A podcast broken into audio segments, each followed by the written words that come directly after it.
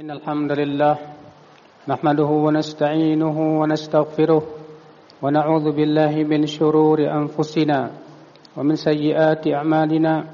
من يهده الله فلا مضل له ومن يضلل فلا هادي له. وأشهد أن لا إله إلا الله وحده لا شريك له. وأشهد أن محمدا عبده ورسوله. قال الله تعالى في كتابه الكريم يا أيها الذين آمنوا اتقوا الله حق تقاته ولا تموتن إلا وأنتم مسلمون. وقال تعالى يا أيها الناس اتقوا ربكم الذي خلقكم من نفس واحدة وخلق منها زوجها وبث منهما رجالا كثيرا ونساء. واتقوا الله الذي تساءلون به والأرحام إن الله كان عليكم رقيبا. وقال تعالى يا أيها الذين آمنوا اتقوا الله وقولوا قولا سديدا يصلح لكم أعمالكم ويغفر لكم ذنوبكم ومن يطع الله ورسوله فقد فاز فوزا عظيما. أما بعد فإن أصدق الحديث كتاب الله وخر الهدي هدي محمد صلى الله عليه وسلم وشر الأمور محدثاتها وكل محدثة بدعة وكل بدعة ضلالة وكل ضلالة في النار أمة الإسلام Abdullah bin Aun berkata, "Kana salafuna salih idza taqau tawasaw fima bainahum wa idza ghabu kataba ba'dhum ila ba'din thalatha khisal." Adalah salafus salih terdahulu apabila bertemu mereka saling berwasiat dan apabila mereka tidak bertemu mereka saling menulis tiga perkara yang sangat penting. Yang pertama man amila li akhiratih siapa yang ia lebih fokus terhadap kehidupan akhiratnya, yang ia beramal untuk kehidupan akhiratnya, kafallahu amra dunyah, maka Allah akan cukupkan urusan dunianya. Yang kedua, siapa yang memperbaiki man aslaha sariratah, aslahallahu ala niyatah. Siapa yang memperbaiki batinnya, Allah akan perbaiki lahirnya. Yang ketiga, waman aslaha fima bainahu wa bainallah. Aslahallahu fima bainahu wa bainan nas. Dan siapa yang memperbaiki hubungan ia dengan Allah, Allah akan perbaiki hubungan ia dengan manusia. Sungguh tiga perkara yang agung ya akhul Islam. Yang pertama, siapa yang lebih fokus untuk kehidupan akhiratnya. Artinya hatinya hanya mengharapkan kehidupan akhirat Bahkan ketika ia melaksanakan aktivitas dunia pun yang ia harapkan adalah akhirat berupa pahala di sisi Allah Subhanahu wa taala. Di hatinya ia mengharapkan pahala dari setiap aktivitas-aktivitasnya. Ia berusaha untuk mengejar akhiratnya karena ia tahu dunia hanyalah perkara sesuatu yang hina dan dan fana, tidak akan kekal selamanya. Rasulullah sallallahu alaihi wasallam bersabda, dalam hadis yang dikeluarkan Imam At-Tirmidzi, beliau bersabda, "Man man kanat akhirah." Siapa yang keinginan dia hanyalah kehidupan akhirat saja, sabbatallahu alaihi amrah. Allah akan kokohkan urusannya. Wa ja'alal ghina fi qalbih dan Allah akan jadikan kekayaan itu ada di hatinya. Wa atathu dunya wa hiya dan dunia akan mendatanginya dalam keadaan hina di matanya. Subhanallah, orang yang menginginkan dan di hatinya keinginan yang terbesar adalah kehidupan akhiratnya. Allah berikan tiga perkara kepadanya. Allah kokohkan urusan dia. Artinya, ia akan bisa istiqamah, ia akan bisa tegar dalam menghadapi berbagai macam ujian dan cobaan dalam kehidupan dunia ini. Sehingga ia kuat dalam menghadapi itu semuanya. Waja'alal ghina fi qalbi. Yang kedua, Allah jadikan hatinya kaya. Ia penuh qanaah, ia merasa cukup dengan yang ada, ia menjadi orang-orang yang zuhud dalam kehidupan dunia. Dan yang ketiga, yaitu Allah akan jadikan ya akal Islam dunia mendatanginya dalam keadaan dunia itu hina di matanya. Demikianlah ya akal Islam. Setiap orang yang menginginkan kehidupan akhirat, dunia bersamanya. Tapi orang yang menginginkan dunia, akhirat tidak bersama dia.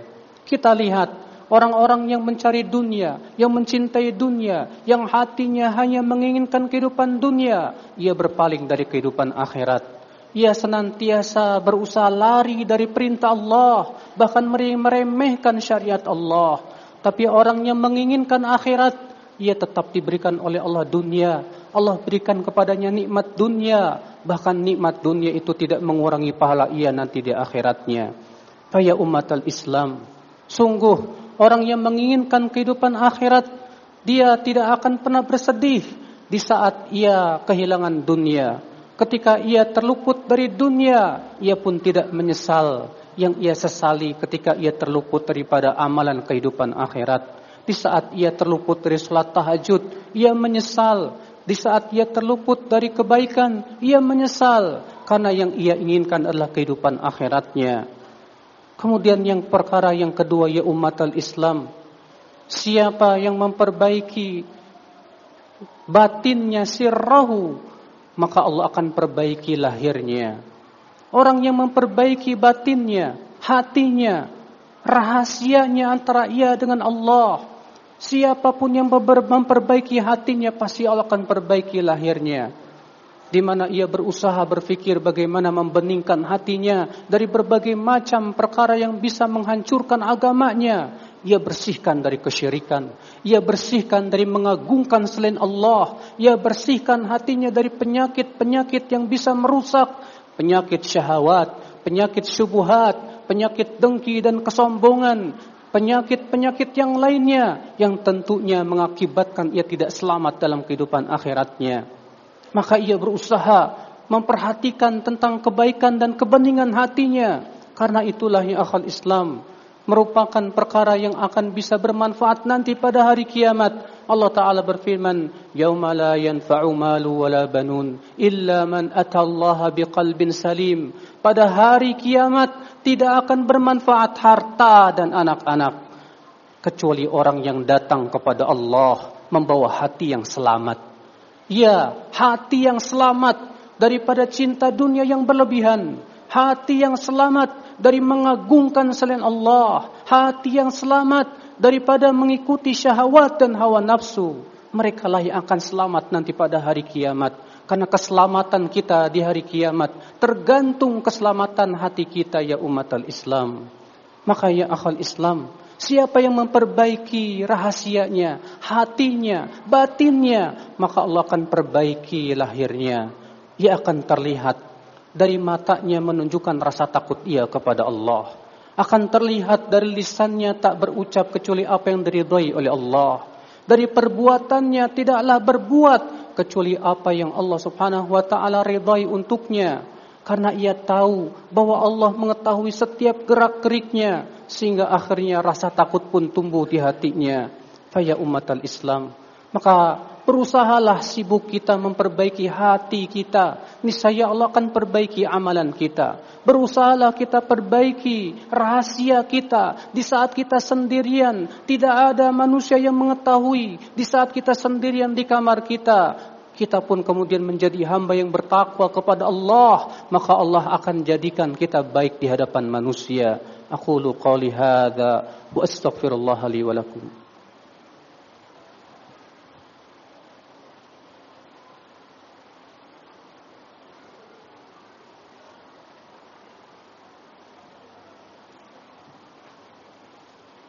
الحمد لله والصلاة والسلام على رسول الله نبينا محمد وآله وصحبه ومن والاه وأشهد أن لا إله إلا الله وحده لا شريك له وأشهد أن محمدا عبده ورسوله أمة الإسلام Kemudian perkara yang ketiga yang para salaf terdahulu saling berwasiat sesama mereka yaitu siapa yang memperbaiki hubungan ia dengan Allah maka Allah akan perbaiki hubungannya dengan manusia memperbaiki hubungan dengan Allah dengan cara memperbaiki ibadah kita kepada Allah, memperbaiki kekhusyuan dalam salat kita, memperbaiki lurusnya ibadah kita. Kita berusaha supaya hati kita selalu mengingat Allah. Orang yang memperbaiki zikirnya, pasti Allah akan selalu ingat kepadanya. sebagaimana Allah berfirman fadhkuruni adzkurkum washkuru li ingatlah aku niscaya aku akan ingat kalian apabila Allah ingat kepada kita pasti Allah akan berikan pada kepada kita berbagai macam bantuan dan pertolongannya ya umat al-Islam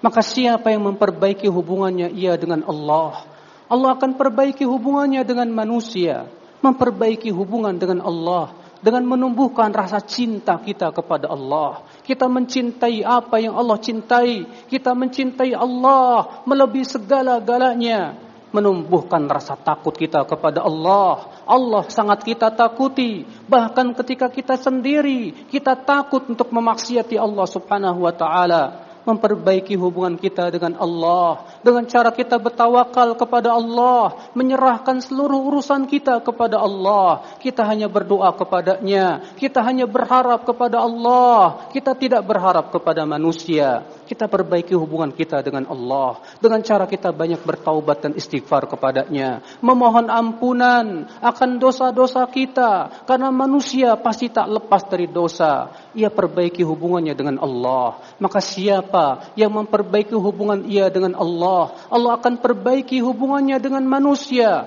Dijadikan hati-hati manusia mencintainya. Sebagaimana disebutkan dalam hadis apabila Allah mencintai seorang hamba Allah akan memanggil Jibril lalu Allah berfirman, Wahai Jibril, sesungguhnya aku mencintai si fulan, maka cintailah ia. Lalu Jibril pun mengumumkan di seluruh makhluk yang ada di langit sana, Wahai penduduk langit, sesungguhnya si fulan dicintai oleh Allah, maka cintailah ia. Lalu kemudian diterimalah penerimaan di muka bumi ini. Maka ya akhul Islam, tidak perlu kita tidak perlu kita memikirkan cinta manusia kepada kita. Karena manusia hatinya berbeda-beda. Hari ini ia bisa cinta kepada kita. Entah besok ia akan benci kepada kita. Sedangkan apabila Allah cinta kepada kita. Allah mampu menjadikan hati manusia mencintai kita. Maka perbaikilah ya akhal Islam. Hubungan kita dengan Allah. Perbaikilah ya akhal Islam. Hubungan kita dengan yang maha kuasa dengan cara ibadah kepadanya. Maka itulah kebaikan. اللهم صل على محمد وعلى آل محمد كما صليت على إبراهيم وعلى آل إبراهيم إنك حميد مجيد. وبارك على محمد وعلى آل محمد كما باركت على إبراهيم وعلى آل إبراهيم إنك حميد مجيد. اللهم اغفر للمسلمين والمسلمات والمؤمنين والمؤمنات الأحياء منهم والأموات إنك سميع قريب مجيب دعوة يا قاضي الحاجات. اللهم تب علينا إنك أنت التواب الرحيم. اللهم وتقبل أعمالنا يا رب العالمين. اللهم أعز الإسلام والمسلمين وأذل الشرك والمشركين. اللهم أصلح ولاة أمورنا يا رب العالمين. وأصلح أئمة المسلمين وأصلح شباب المسلمين وأصلح المسلمين عامة يا رب العالمين. اللهم آتنا في الدنيا حسنة وفي الآخرة حسنة وقنا عذاب النار. عباد الله إن الله يأمر بالعدل والإحسان وإيتاء ذي القربى وينهى عن الفحشاء والمنكر والبغي. يعظكم لعلكم تذكرون فاذكروا الله العظيم يذكركم واشكروه على نعمه يزدكم ولا ذكر الله أكبر.